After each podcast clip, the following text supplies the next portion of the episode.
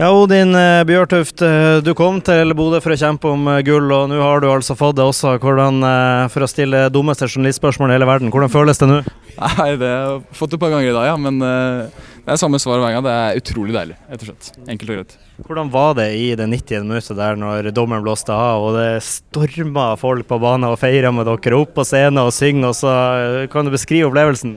Ja, nei, Det var utrolig spesielt. og utrolig gøy å se Bodø-supportere komme på banen. og Det var bare en, en, glede alt sammen. og Det ble mange klemmer til slutt. og Det er sånn det skal være, mener jeg.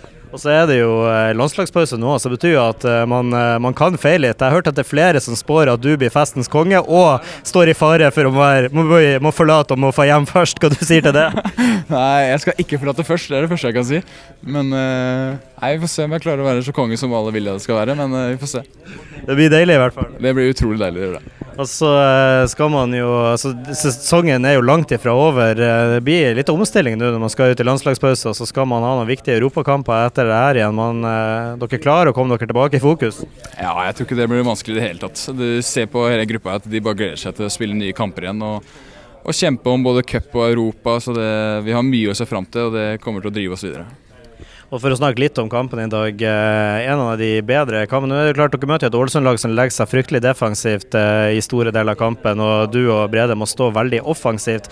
Men eh, ja, det er ofte mye kamper mellom dere, mye, mye pasninger mellom dere midtstoppere på løpet av en kamp. Men det er vel aldri så mye som det her. Så kjemien deg og Brede imellom har vel aldri vært bedre enn i denne kampen?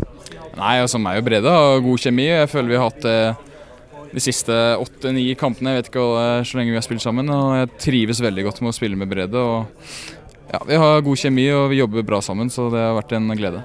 Og helt til slutt, som sagt, Noen tipper deg som festens konge. Hvem du vil eh, tro er den som tar det meste ut i kveld? Nei, jeg sier Albert Grønbæk. ja, det, det ja, han som meldte meg, ja. ja. Det er vi to som kommer til å styre, tror jeg. Ærlig. Gratulerer med seier og kos deg i kveld. Tusen hjertelig.